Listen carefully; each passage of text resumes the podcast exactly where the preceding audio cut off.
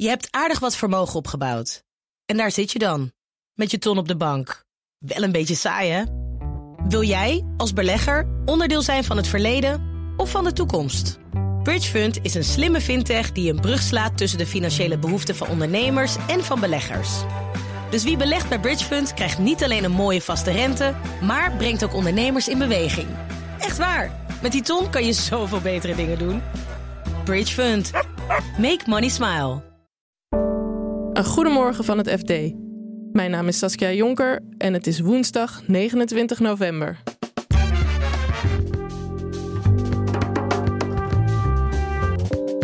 Veel bedrijven zijn nog niet klaar voor een verplichte duurzaamheidsrapportage. Als jij straks je duurzaamheidsverslaggeving niet op orde hebt, ben je gewoon in overtreding van de wet. Experts zetten vraagtekens bij de klimaatplannen van de PVV. Europese afspraken zijn lastig. Dat, daar kun je eigenlijk alleen maar onderuit als je of uit de EU stapt of als de Europese Commissie zelf besluit om die uh, doelen af te zwakken. En overnamespanning rondom de beursgenoteerde machinefabrikant Marel. Nou, curieus was, was dat de grootste aandeelhouder van Marel al meteen zei dat ze onherroepelijk ja hadden gezegd tegen een bod waarvan dus de bieder onbekend was en de hoogte onbekend was. Dit is de dagkoers van het FD. Vier grote accountantskantoren zijn bang dat ze de komende jaren de duurzaamheidsverslagen van bedrijven niet kunnen goedkeuren. Want die bedrijven zijn nog niet klaar om aan zogeheten CSRD-rapportages te voldoen. Redacteur Marceline Bresson praat je bij en legt uit wat de nieuwe CSRD-richtlijn inhoudt. Het is een nieuw stukje regelgeving wat Brussel een aantal jaar geleden bedacht heeft en wat voor de grote beursgenoteerde bedrijven vanaf 2025 ingaat. En dat stelt uh, eigenlijk dat die bedrijven verplicht moeten gaan rapporteren over allerlei niet-financiële zaken. Denk daarbij dus bijvoorbeeld aan CO2-uitstoot, maar ook waterverbruik, uh, de verhouding man-vrouw op de werkvloer, nou, noem maar op. Waarom zijn veel bedrijven nog niet klaar uh, voor die nieuwe richtlijn? Het heeft deels te maken met het feit dat die richtlijn ook wel echt heel veel van bedrijven vraagt. Dus er zijn echt honderden datapunten. Dat het bedrijf moet ook zelf gaan inventariseren van... oké, wat, wat is voor mijn bedrijfsvoering nou relevant?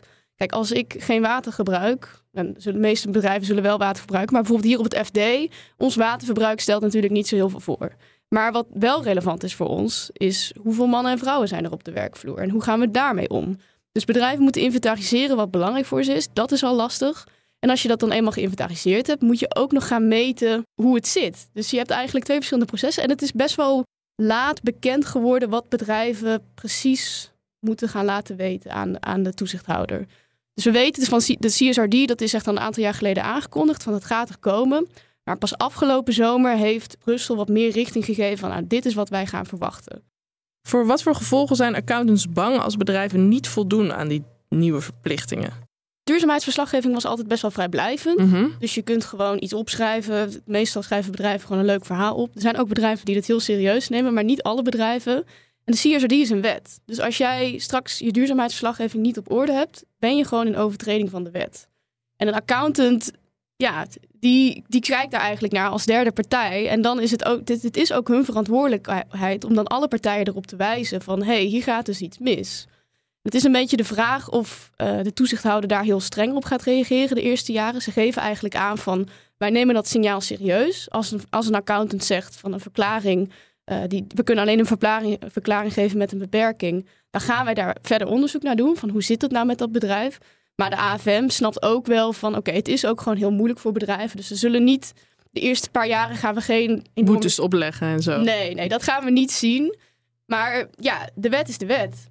En de toezichthouder moet zorgen dat die bedrijven zich aan de wet gaan houden. Dus op een gegeven moment gaat het wel gewoon gevolgen hebben voor die bedrijven. Op een gegeven moment gaan we misschien wel sancties zien. En ook als je bijvoorbeeld kredietverstrekker bent aan zo'n bedrijf. En dat bedrijf dat heeft gewoon jaar na jaar zijn zaakjes niet op orde. Dan ga je misschien ook wel eens achter de oren krabben van... hey, is dit wel een bedrijf waar ik mijn geld in wil stoppen? Ja, en dan kan je daar misschien als aandeelhouder die kredietverstrekker ook weer op aanspreken. Waarom geef je zo'n instantie eigenlijk geld? Precies, dus het gaat wel gewoon iets in gang zetten. Het is heel lastig om nu te zeggen van oké, die verklaring met die beperking die uh, zorgt in 2025 voor deze en deze problemen. Maar het is natuurlijk wel een signaal. En dat gaat gewoon wel gevolgen hebben. En, en, denk ook bijvoorbeeld aan milieuorganisaties. Als jij een milieuorganisatie bent, je bent Milieudefensie of zo, en jij volgt Ahold, en jij ziet eh, keer op keer, en eh, vind, nou doet Adel het best wel goed hoor, in zijn duurzaamheidsverslaggeving. Dus, dus daar gaat het niet om. Maar je ziet bijvoorbeeld keer op keer dat een bedrijf de mist in gaat. Of dat een bedrijf bepaalde gegevens niet aan kan leveren. Ja, dan ga je daar wel iets van zeggen. En dan blijven we even bij het klimaat. De PVV wil niks weten van de klimaatmaatregelen van vorige kabinetten. Maar hoeveel de verkiezingswinnaar van zijn eigen klimaatplannen kan doorvoeren is maar zeer de vraag. Klimaatverslaggever Orla McDonald zet de plannen van de PVV en moeilijkheden voor je op een rijtje. Als je hun verkiezingsprogramma leest, dan zijn ze vrij duidelijk. Dan willen ze, nou dat is een letterlijke quote, het klimaatbeleid door de shredder halen en ook uit het grote VN-verdrag stappen. Dus dat is eigenlijk ook geen duurzame subsidies meer, geen windmolens meer. Ze zijn wel voor kernenergie, maar dan meer vanuit een idee dat dat goed is voor onze energiezekerheid. En de haken en ogen die daaraan zitten, is dat Nederland zich toch ook wel in de eerste plaats via de Europese Unie heeft gecommitteerd aan het halen van klimaatdoelen in 2030. Daarnaast heeft Nederland een eigen klimaatwet. Dus in onze wet is gewoon vastgelegd dat we 55% CO2 moeten reduceren in 2030. En dan heb je ook nog het grote VN-verdrag um, om de opwarming van de aarde te beperken. En daar heeft Nederland ook zijn handtekening onder gezet. Dus dat kan je niet, uh, ja, dat, kan je misschien via via nog wel onderuit, maar dat is, dat is moeilijk. Uh, met name, um, ja, de Europese afspraken zijn lastig. Dat, daar kun je eigenlijk alleen maar onderuit als je of uit de EU stapt of als de Europese Commissie zelf besluit om die uh, doelen af te zwakken. Wat kan Wilders mogelijk wel doen aan zijn klimaatplannen, verwachten experts? Um, nou, je, kijk, je kunt natuurlijk uh, het beleid vertragen uh, of bijvoorbeeld geen subsidies meer geven voor verduurzaming. Dat maakt het voor bedrijven best wel lastig om dan uh, te investeren in duurzame technologieën. dus dat zou, zou je kunnen doen. En in principe is dat doel uit de klimaatwet, dat ligt ook pas in 2030. En dat is nog best wel ver weg, of in ieder geval verder weg dan een komende kabinetsperiode. Dus je kunt je in principe daar niets van aantrekken en dan er in 2029 achterkomen dat je een probleem hebt. Het is wel zo dat waarschijnlijk andere Europese landen dan al in de tussentijd zullen zeggen: uh, Hallo Nederland, uh, schiet eens even op uh, met het klimaatbeleid. Ja, en dan zou je ook afscheid moeten nemen van maatregelen die al zijn genomen, of niet? bestaand beleid. Ja, je ziet toch wel dat het bestaand beleid niet zo heel snel wordt teruggetrokken, maar je kunt bijvoorbeeld nu is er een belangrijke subsidiepot, de SDE, dus ideaal ongeveer 8 miljard voor duurzame innovatie het verminderen van CO2.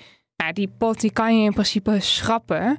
Uh, maar alle uitgegeven subsidies of alle toegekende subsidies, die kan je niet, zo, niet echt eh, terugdraaien. Als je dat doet, dan zullen bedrijven ook zeggen: Hallo, wij hebben investeringen gedaan op basis van deze subsidies. En dan krijg je een, eh, een vervolgstap, is dan allerlei schadeclaims. Dus dat zal je ook geld kosten als overheid.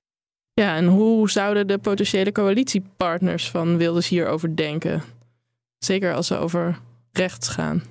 Nou ja, als we dan even kijken naar de partijen die nu mogelijk dan als eerste uh, mee gaan doen in zo'n formatie, de NSC en de BBB, die staan er wel anders in dan Wilders. Um, Pieter Omzicht, zijn klimaatbeleid leest eigenlijk een beetje als het klimaatbeleid van de VVD en het CDA. Het moet realistisch zijn en het moet betaalbaar zijn. Hij wil zeker die klimaatdoelen halen, maar dan ja, met een um, uh, meer op basis van investeringen, op basis van uh, het beprijzen van CO2-uitstoot en niet zozeer met subsidies.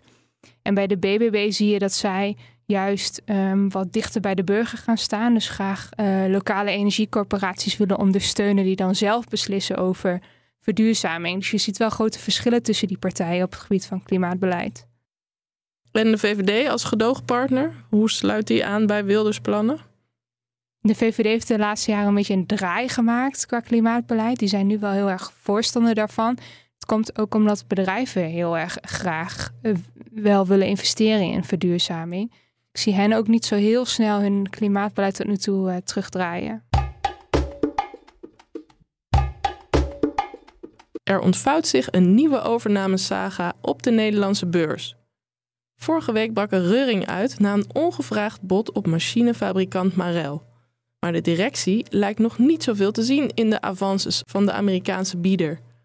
Voordat we ingaan op de overnamepoging, stelt redacteur Vasco van der Boon je eerst even voor aan Marel. Marel eh, produceert machines om eh, vis en kippen en uh, ja, andere dieren te slachten. En gebruiksklaar af te leveren voor verkoop in winkels, voor, voor consumptie, restaurants, winkels. En dat doen ze in een heleboel landen in de wereld. Uh, volgens ABN AMRO is de marktleider op dat gebied. En wat is hun Nederlandse geschiedenis? Ja. Uh, Marel heeft uh, op een gegeven moment onderdelen van het oude Nederlandse industriële concern Stork gekocht. Stork was goed in kippenslachtermachines. Dat heeft Marel overgenomen. En Marel is ook aan de beurs in Amsterdam genoteerd als tweede notering. Naast de notering in, aan de IJslandse beurs. En kan je even uitleggen wat er vorige week allemaal is gebeurd? Ja, het uh, was een beetje een mysterieus bod. Uh, vrijdag kwam er van een uh, onbekende bieder. En het bod was, de hoogte van het bod was ook onbekend. Maar de beurskoers ging wel meteen omhoog. En wat ook nou, curieus was, was dat de grootste aandeelhouder van Marel. Is een IJslandse investeringsmaatschappij waar de familie van de vorige CEO groot in zit dat die IJslandse investeringsmaatschappij eh, al meteen zei dat ze onherroepelijk ja hadden gezegd tegen een bod waarvan dus de bieder onbekend was en de hoogte onbekend was. Nou, in de loop van vrijdag bleek uh, dat JBT, dat is Amerikaanse branchegenoot van Marel, achter dat bod zat. En uh, dat het 3 euro en 15 eurocent per aandeel Marel zou zijn is een aardige overnamebonus. Zo op het eerste gezicht leek dat te zijn van 39% bovenop de laatste slotkoers.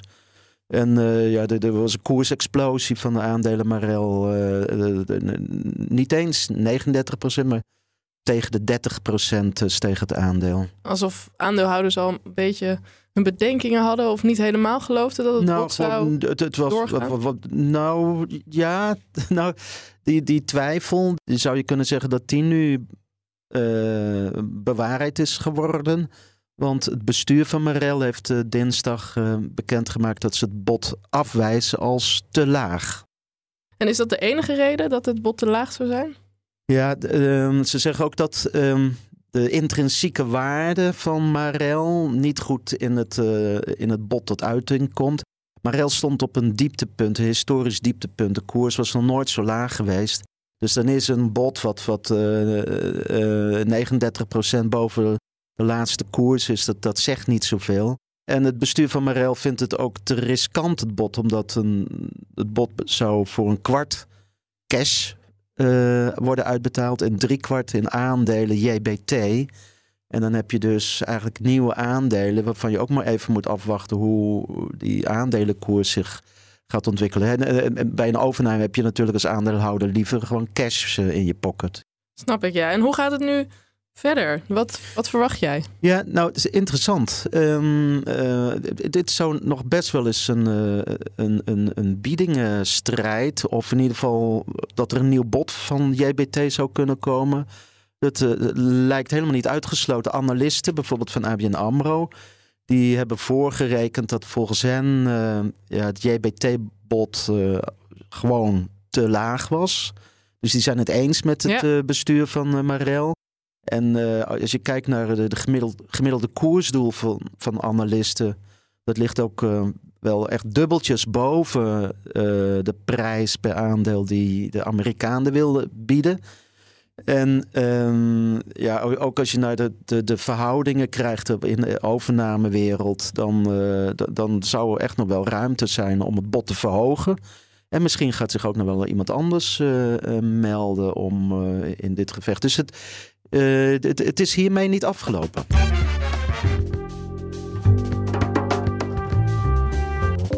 Dit was de dagkoers van het FD. Lees de verhalen achter deze podcast gratis op fd.nl. Zie daarvoor de link in de show notes. Morgen staat er weer een nieuwe aflevering voor je klaar. En in de tussentijd lees je het laatste financieel-economische nieuws op fd.nl of in de app. Voor nu een hele fijne dag en graag tot morgen.